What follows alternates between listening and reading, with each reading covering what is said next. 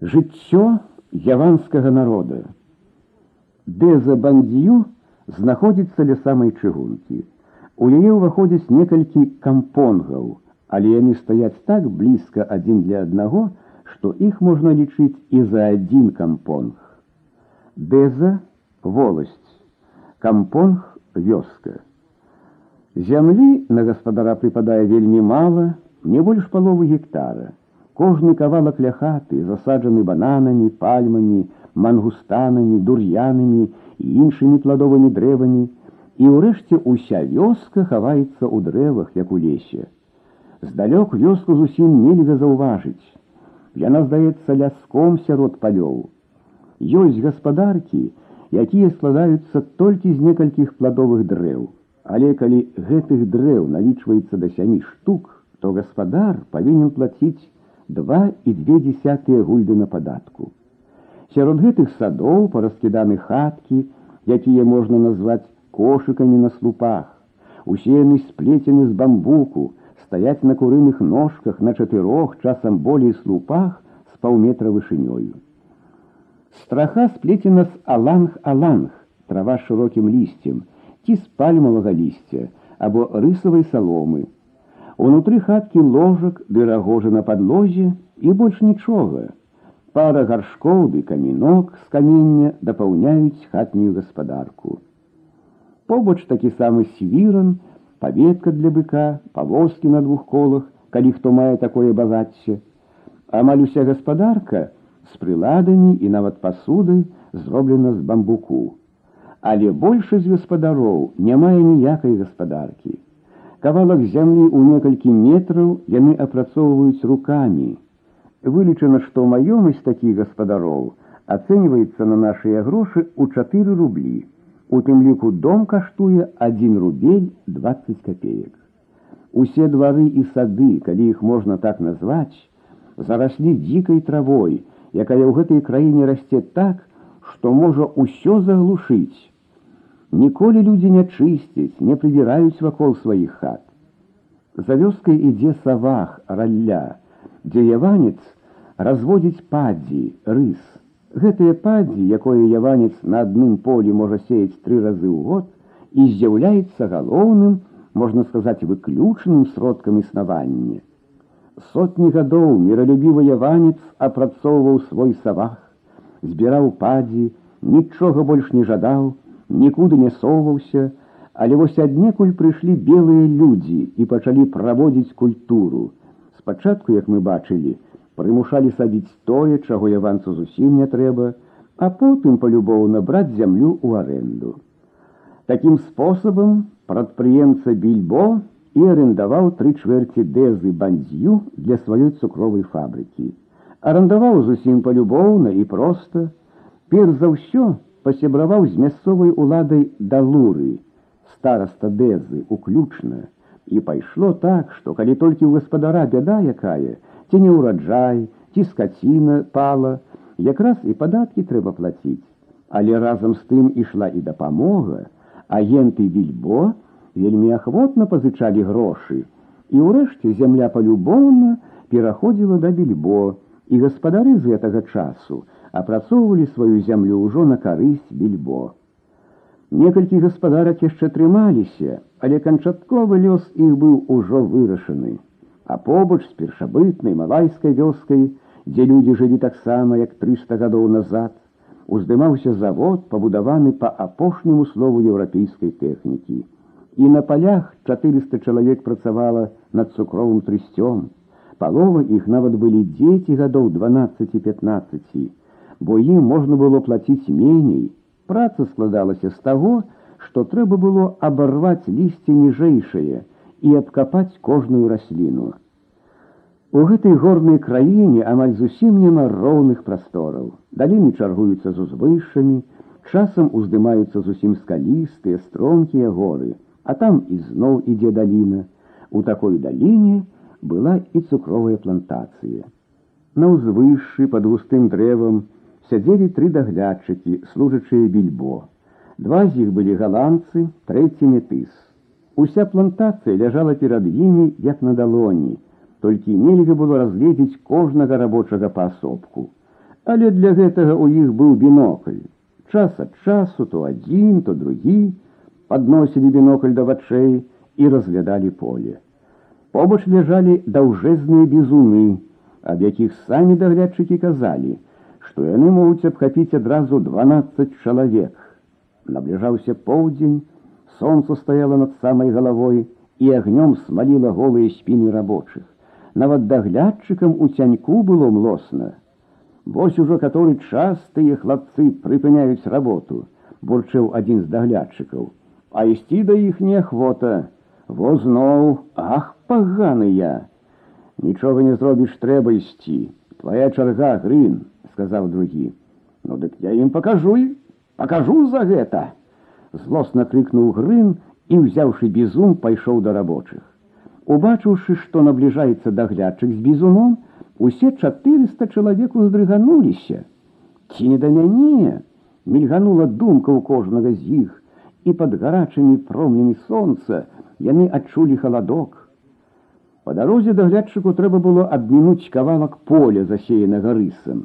Участак належаў па інго аднаму з тых гаспадароў, якія яшчэ трымаліся за сваю зямлю. Зразумела, даглядчык не стаў адмінаць, а пайшоў проста праз пасеў. Даўно ўжо прапанавалі гэтаму па інгу аддаць свой кавалак у аренду, а калі ён не хоча, тым горш яму самому.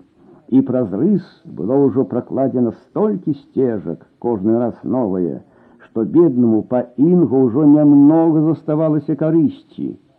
Сярод рабочых быў і сын па інго, двадцацігадовы дзяцюк нонг. У бяссільнай злосці павінен быў глядзець ён, як на яго вачах гінула іх праца.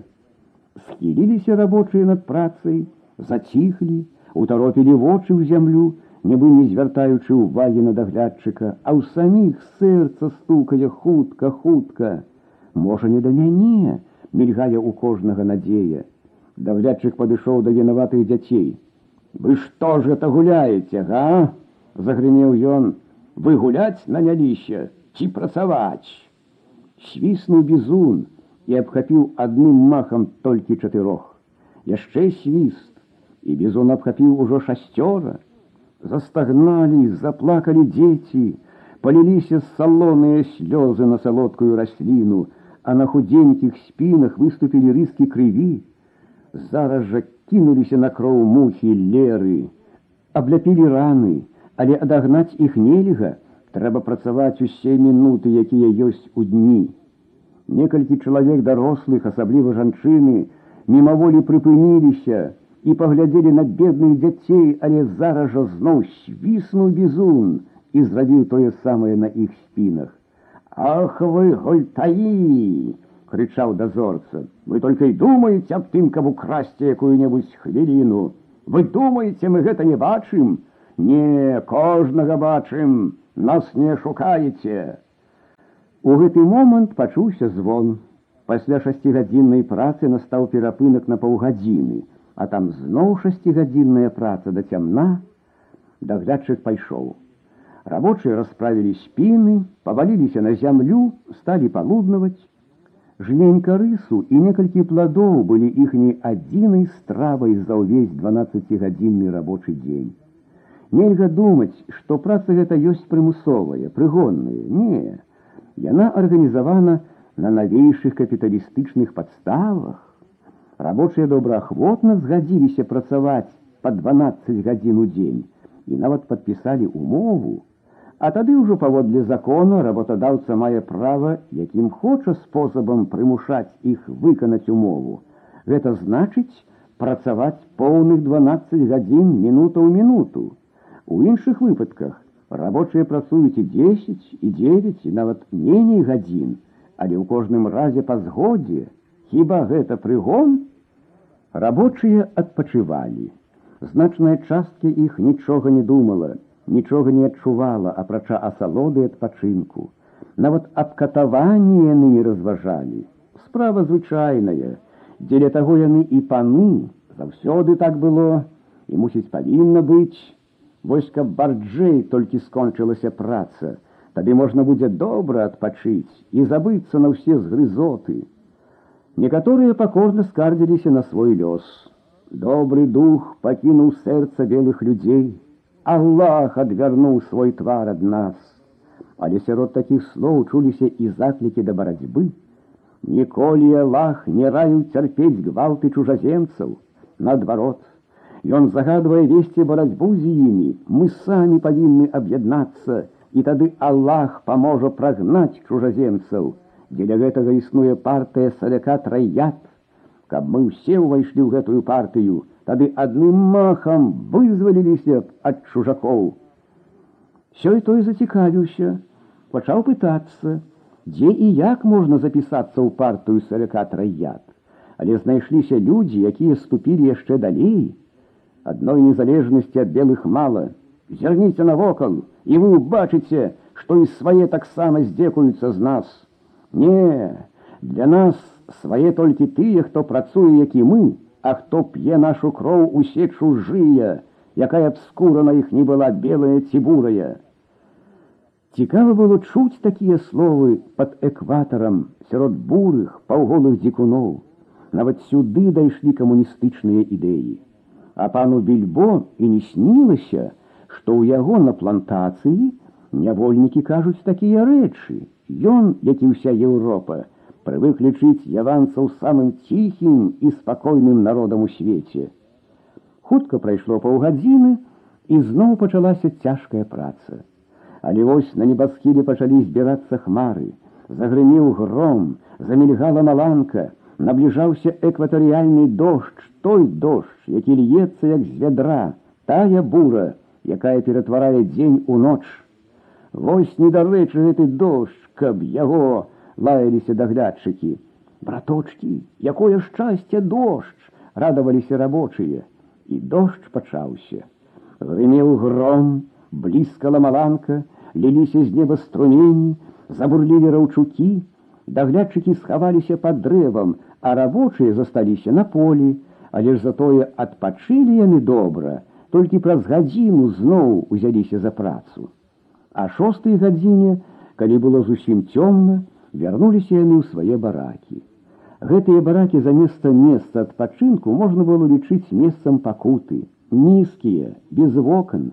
Яны мелі некалькі паверхаў, паліц, і калі рабочыя занялі свае месцы, дык памяшканне зрабілася нібы вялізнай скрыняй ад падлогі да столі, напакаванай людзьмі.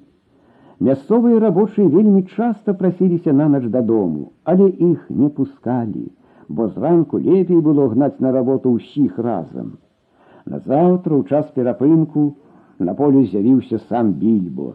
З ім быў паліцэйскі і чалавек 20 новых рабочых. Більбо загадаў усім рабочым сабрацца ля яго. Паліцэйскі выцягнуў паперу і выклікаў па прозвішчу чалавек 20 рабочых.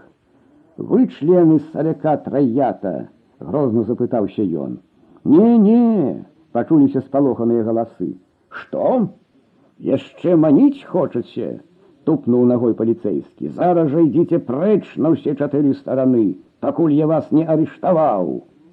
Рабочыя пастараліся знікнуць, радуючыся яшчэ, што справа так добра скончылася. Замест іх былі пастаўлены новыя.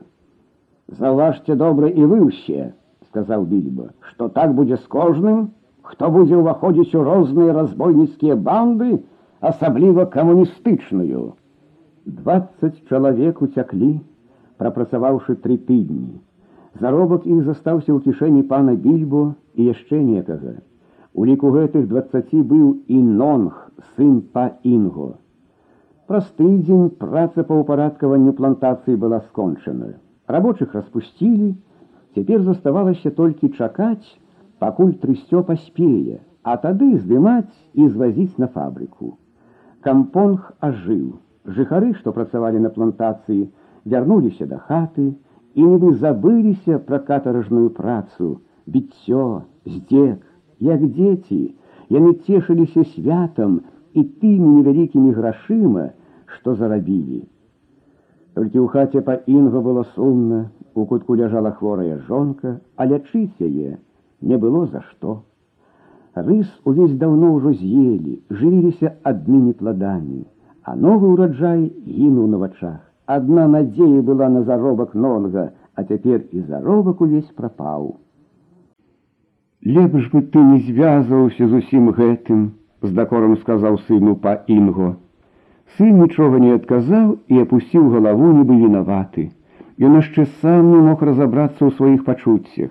Зразумела, крыўда і злосць на прыгнятальнікаў былі галоўным пачуццём, але сямейнае становішча ды гора мімаволі выклікалі думку, каб ён быў у баку ад усяго гэтага, не было б такога няшчасця ў доме.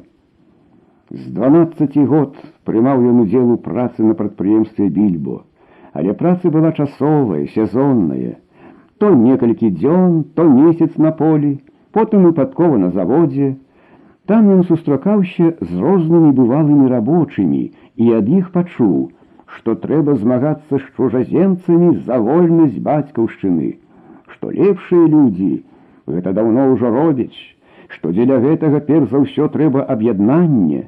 Нібы новы свет адчыніўся перад вачыма нонга, ён захапіўся новымі ідэямі і нядаўна запісаўся ў сарака траяд. Толькі адзін раз і паспеў ён пабываць на сходзе членаў партыі, сабраліся ў гарах прысутнічала чалавек сто. З прамовы выступіў прыезджы мула ў белай чалме з чорнай барадой і вогненымі вачыма. Прававерныя, грымеў ён гучным голасам, дакуль мы будзем цярпець ярмо чужаземцаў, дакуль няверныя будуць панаваць над дзецьмі прарока. Хіба мы не можам жыць і кіравацца самі, без чужаземцаў, як некалі, Хіба не маем мы сваёй слаўнай гісторыі, ці не мелі мы сваёй незалежнай дзяржавы. Прававерныя, рыхтуйцеся да барацьбы, асвятляйце цёмны народ, заклікайце ў нашы шэрагі, і тады мы парагонім чужаземцаў, зажывем вольным жыццём. Прававерныя слухалі гэтыя словы і разумелі з іх толькі тое, што трэба прагнаць чужаземцаў. Слаўнай гісторыяй яны не цікавіліся і аб прароку мала думалі. Сапраўды, калісьці ў 12-15 стагоддзях наяве былі незалежныя дзяржавы. Панавалі спачатку індыйскія цары, якія ўвялі будыйскую рэлігію, а потым арабскія, якія перавярнулі народ на магометанскую веру. Урэшце ў сучасных яванцаў засталася нейкая мяшаная вера, хоць на паперы яны лічацца магометанамі. Ды і наогул рэлігіяй яны цікавяцца мала, але слово незалежнасць, вольнае жыццё стварылі ўражанне на слухачоў.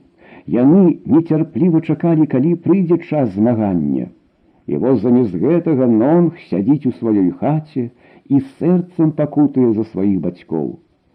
Да хаты падышоў луры староста. Па інго, сказаў ён сурова, ты абяцаў заплаціць заробку нонга. Дзе гэты заробак? Па інго маўчаў. Калі па інгу не ўнясе грошы праз тры дні, яго сапі вол зменіць свайго гаспадара, казаў далей луры. Зноў ніякага адказу. Лоло, благая трава, выросла ў вушах па інгу і перашкаджае яму слухаць голас розуму, гучаў спакойны голас луры. Каб аддаў зямлю ў аренду, не было б такога клопату. Пачакай, пакуль сабяру рыс, прамовіў нарэшце па інгу. Шмат разоў усходзіла і заходзіла сонца, пакуль цябе чакалі. Больш ужо нельга, падумай, я сказаў. І важна павольна пайшоў прэч. Па інгу застаўся нерухомы, толькі нонг саскочыў і нервова пачаў хадзіць каля хаты. Ноч праходзіла, пашарэла на ўсходзе, выразней выкрэсліваліся вершаліны гор, восены пазалаціліся ўжо, але ў лагчыне яшчэ цёмна. Патрывожаны туман заварушыўся і неахвотна павольна пачаў уздымацца з плантацыі. Беза спала, спаў заводскі пасёлак, толькі дзе-нідзе уставаў адзін другі чалавек. Раптам пачуўся трывожны звон і крыкі: пажар на плантацыі! Нібы мурашнік заварушыўся пасёлак. Частка людзей кінулася на плантацыю, другая частка у кампонг. У апошняй групе былі і даглядчыкі са сваімі бізунамі, і паліцэйскія, і мясцовыя чыноўнікі. загрымеў барабан на вёсцы, разбегліся па вуліцы заводскія людзі, марш гасіць пажар, жыва, усе! Спалоханыя жыхары усхапіліся, пакуль што нічога не разумеючы. Наляцелі стражнікі, з'явіўся луры, бегаў, крычаў з усіх сіл, плач дзяцей і жанчын, незадаволеныя крыкі мужчын, свіст бізуноў, лаянка стварылі такое ўражанне, нібы на вёску напалі бандыты. Няма чаго казаць, насельніцтва не мела аніякай ахвоты бегчы ратаваць панскае добро. Людзі ўцякалі хто куды, хаваліся, гвалтаўнікі пачалі яшчэ больш злаваць. Стой, куды ты, я табе пакажу, крычалі яны, не шкадуючы бізуноў. Нарэшце толькі чалавек 15 былі злоўлены і выгнаны на поле. Там ужо агонь ішоў сцяной, сухое трысцё трашчала, спецыфічны пах разносіўся ў паветры ад гарелага цукровага соку. Толькі на невялічкім кавалку раней прыбегшыя людзі паспелі зрабіць прасеку, каб не пусціць агон далей. Пачалася агульная барацьба з агнём, але людзей не хапала. Пакуль у адным месцы затрымаюць агонь, у другім ён абыдзе бокам. Сам більбо прыбег і насіўся як шалёны звер. Ах, сволачы, бунтаваць надумаліся, мы з іх выб'ем гэты дух крычаў ён па адрасу тых, хто не з'явіўся гасіць пажар. Толькі праз гадзіны тры агонь быў затрыманы. Палова плантацыі была знішчана, але і адрысу па інго і некаторых бліжэйшых суседзяў нічога не засталося. Увесь ён быў вытаптаны. Праз дзень у дэзу з'явіліся важныя госці. Наперадзе ехаў на белым кані стары з сівой барадой у чалме і белым халаце. Конь быў пакрыты шаўковай папонай з рознакаляровымі кутасамі, побач ехаў більбо і некалькі чыноўнікаў. Узброеныя коннікі акружалі старога, а ззаду ехаў воз са слугамі і гаспадаркай. Більбо і галандскія чыноўнікі трымалі сябе перад старым пакорна, угодліва, нібы перад якім царом. Жыхары, якія трапляліся па дарозе, рабілі д'ёнг кок, знак вышэйшай пашаны. Рабіўся гэты знак вельмі проста. Чалавек адыходзіў у бок і прысядаў, пакуль важная асоба не праедзе міма. Гэты д'ёнг кок просты народ павінен рабіць перад кожным чыноўнікам, а перад белымі усімі, хто б ён не быў, трэба адзначыць, што ў гарадах і нават такіх пунктах, як бандзю, д'ёнг кок цяпер ужо не выконваецца Але перад такой вялікай асобай як рэгент прыходзілася вяртацца да старога звычаю. Як мы ўжо казалі рэгентам заўсёды бывае які-небудзь князь, патомак ранейшых уладароў краіны, праз яго галандская ўлада праводзіць усе свае мерапрыемствы. Вышэй яго стаіць галандскі рэзідэнт, мясцовы губернатар, але гэтыя рэзідэнты кіруюць не народам, а рэгентам. Як усе чыноўнікі, Голландские резиденты меняются, служат толькі по некалькі гадоў, выязджаюць, прыязджаюць, а рэгенты ўсё сваё жыццё застаюцца на пасадзе і нават перадаюць яе ў спадчыну свайму сыну, зразумела са згоды галандскай улады. Рэгенты памятаюць, што яны, былыя уладары, жывуць пышна ў сваіх палацах, маюць сотні слуг і жонак, маюць свой уласны ганаровы атрад войска, на ўсё гэта патрэбны грошы, іх дае галандскі ўрад. І за гэта рэгенты служаць галандцам не за страх, а за сумленне. Але гэтай грошай не хапае. Тады яны пачынаюць рознымі спосабамі выціскаць з народа сокі на сваю карысць. Так што нават галандскаму рэзідэнту нярэдка прыходзіцца абараняць народ ад іхняга ўладара. І калі пасля таго здараюцца якія непарадкі, калі чуюцца скаргі на ўладу, галандцы кажуць яванцам: Чаго ж вы хочаце болей? У вас свая ўлада, і як бачыце, часам не вельмі добрая. Нам самім прыходзіцца абараняць вас ад яе. Ці лепей вам будзе, калі мы пакінем вас адных з вашымі ўласнымі князямі. Але разам з тым галандцы старанна падтрымліваюць аўтарытэт рэгента. У інструкцыі рэзідэнту прама сказана, каб ён быў далікатным і уважлівым да малодшага брата. Вось чаму і цяпер рэгент быў на першым месцы. Под высоким дур'янавым дрэвам поставили пекнае крэсла, слуги кінуліся дапамагаць рэгенту злезці з коня. Калі рэгент сеў, побач сталі салдаты. Галандцы нават не садзіліся. Тым часам загадалі, каб сабраўся ўвесь народ.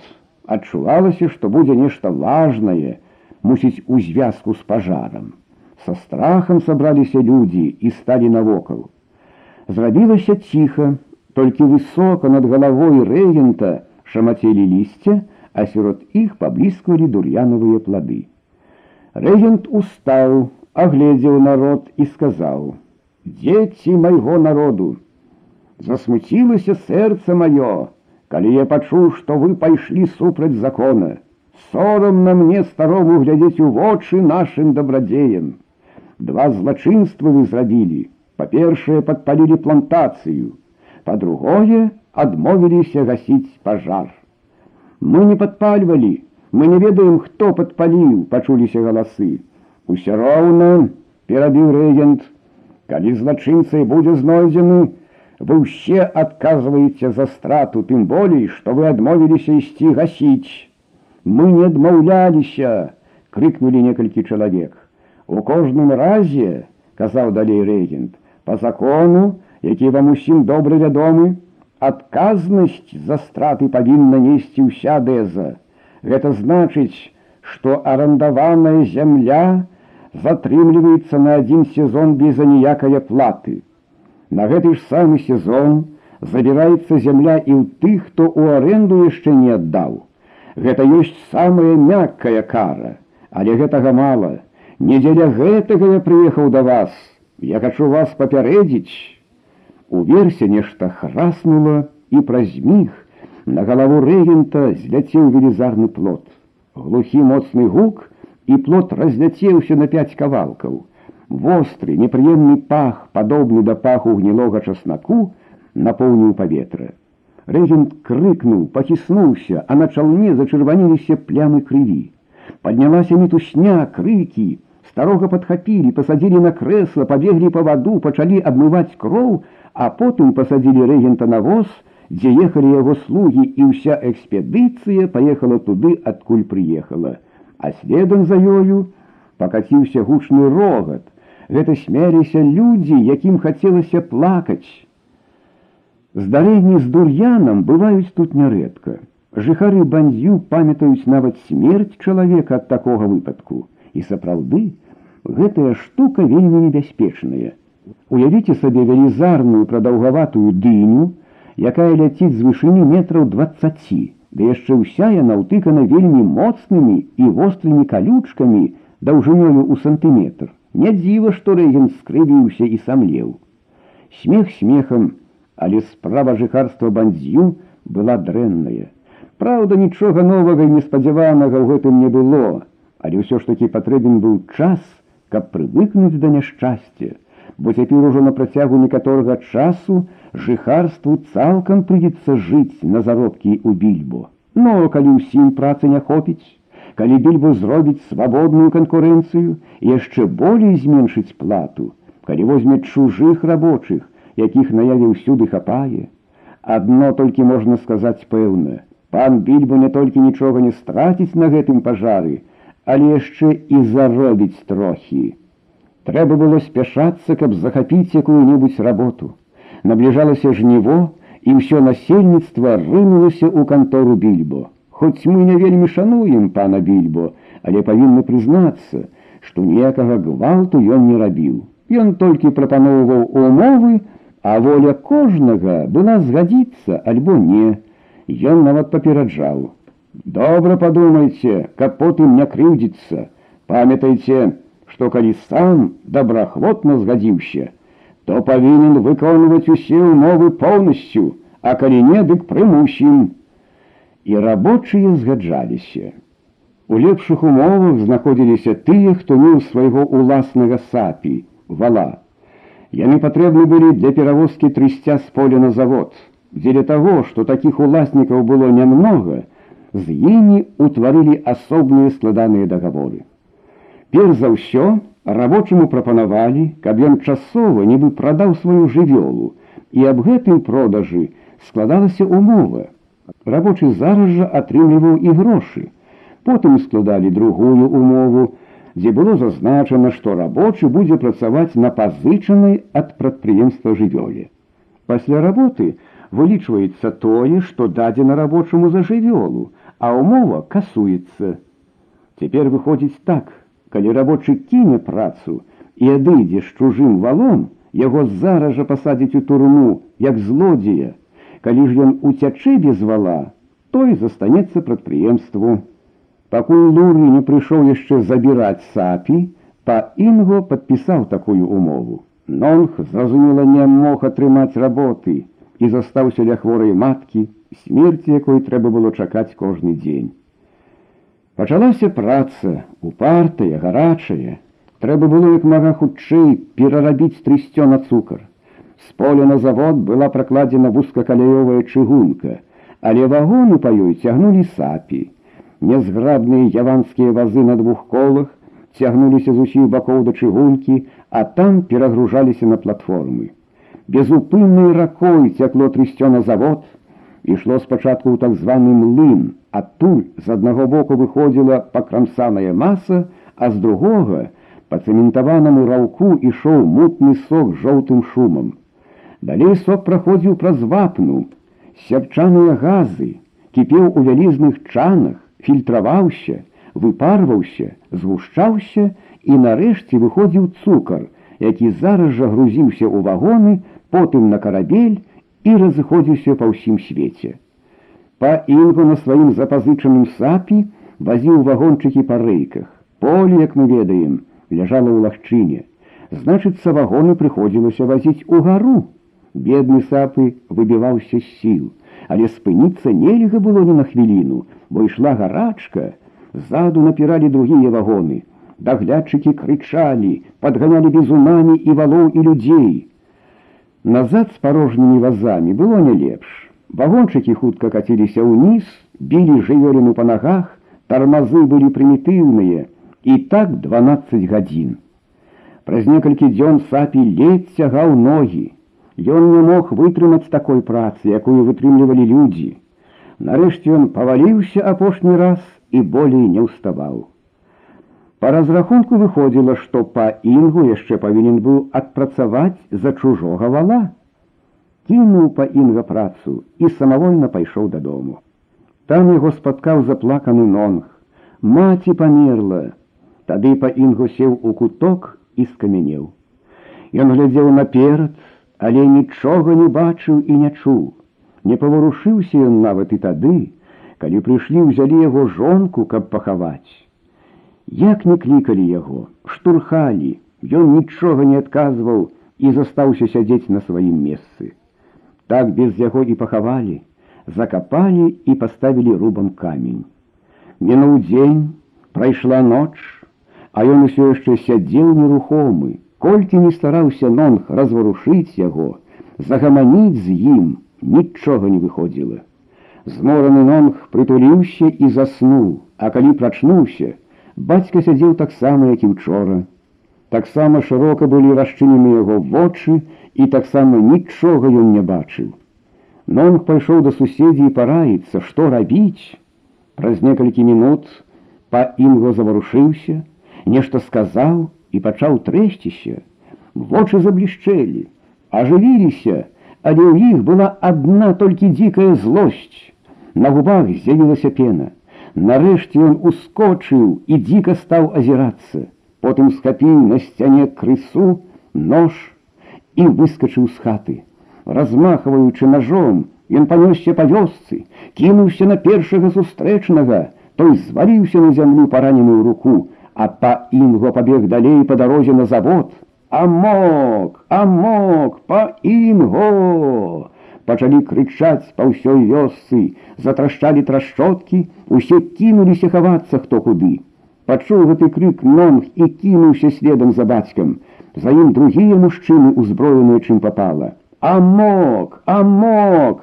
Неслася па вёсцы, трашчалі трашчоткі, грукалі кіямі, уздымаючы трывогу. А тым часам па інго зваліў адну жанчыну, якая ішла з вадою. Яна была забіта на смерць, па інгу бег так шпарка, што даганяўшыя яго не толькі не набліжаліся, але адставалі ўсё болей і болей.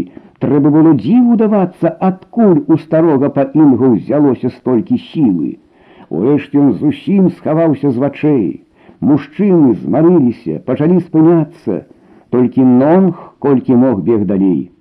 Праз некалькі хвілін наперадзе пачулася страляніна. Нонг прыпыніўся, позна, справа скончана. Калі Нонг падышоў бліжэй, то ўбачыў застрэленага бацьку, а побач забітага даглядчыка грына. Гэты амок з'яўляецца асаблівасцю яванцаў, і еўрапейцы да гэтага часу ламаюць галаву, што яно такое?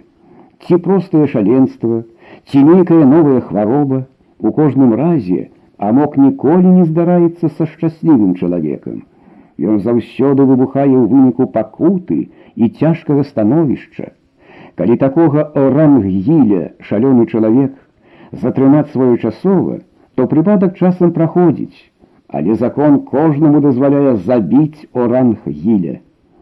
Забываюцца толькі еўрапейцы, што яванцы хоць і самыя цярплівыя і ціхія, але ўсё-такі людзі, якім бы ціхім і цярплівым не быў чалавек, але пры пэўных умовах нават такому цярпенню можа прыйсці канец. Да апошняга часу гэтае цярпенне канчалася амокам. Ну а надалей яно можа скончыцца чым-небудзь іншым.